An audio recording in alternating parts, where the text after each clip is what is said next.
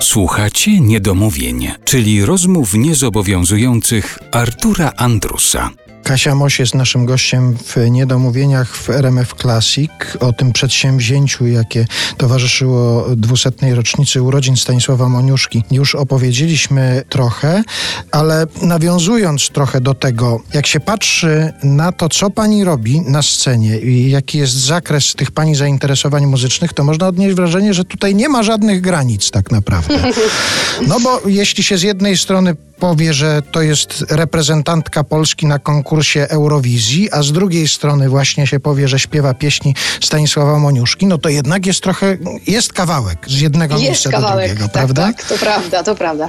Często właśnie w moją stronę dziś to jest zarzut, ale ja od dziecka słuchałam różnorakiej muzyki. Ja nigdy się nie, nie zamykałam. Po prostu lubiłam muzykę od, od właśnie klasyki po muzykę mocno rockową, hip-hopową, więc wydaje mi się, że byłoby to, nie wiem, no niezgodne też ze mną udawać, że tak naprawdę interesuje mnie tylko jeden rodzaj muzyki że tylko w jednym rodzaju muzyki dobrze się czuję.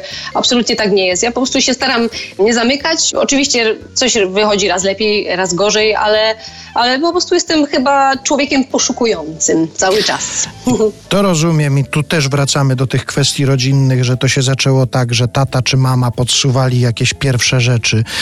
Pewnie jeszcze w dziecięcym wieku i gdzieś tam jakaś muzyka już się sączyła, ale ciekaw jestem, jak to potem nastąpiło w drugą stronę. To znaczy, czy pani do jakiegoś rodzaju muzyki, pani, pani brat do jakiegoś rodzaju typu muzyki przekonali swojego tatę, który był przecież związany jednak z muzyką klasyczną przede wszystkim. Tak, znaczy pamiętam takie pierwsze zetknięcie się e, taty naszego z tym, czego słuchają jego dzieci. Ja pamiętam, że swojego czasu byliśmy bardzo zafascynowani, ponieważ z reguły mieliśmy starszych dużo kolegów i koleżanki, przynajmniej o 5-8 lat, więc ja pamiętam, jak nasz przyjaciel Wojtek przyniósł nam do domu płytę Leroya. My wtedy byliśmy w zasadzie chyba trochę za młodzi, żeby słuchać tych tekstów, bo tam było wiele przekleństw i słów niecenzuralnych, ale no pamiętam, że jakoś rodzice chyba jakoś bardzo nie zabraniali nam, żeby tego słuchać i myślę, że to było pierwszy raz zetknięcie się taty z hip-hopem polskim.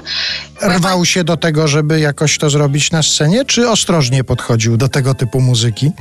A nie, tata, myślę, że tata też jest osobą, która się absolutnie nie zamyka. No bo orkiestra rzeczywiście pracuje też, gra z różnymi wykonawcami z, od jazzu po hip-hop. Teraz nawet miał być koncert z Lukiem, który się nie odbył, ale jakieś tam są plany, aby, aby jeszcze do tego wrócić w jakiejś innej formie. Więc na pewno tata się nie zamyka i myślę, że jednak jest tak, że pamiętam tatę jako jak byłam dzieckiem, to wydawało mi się, że właśnie to jest taki człowiek, który słucha i tak bardzo jest y, wsiąknięty w tą muzykę klasyczną i tylko tego słucha i tylko to go interesuje, a myślę, że rzeczywiście też poszerzyliśmy jego horyzonty muzyczne o inne gatunki.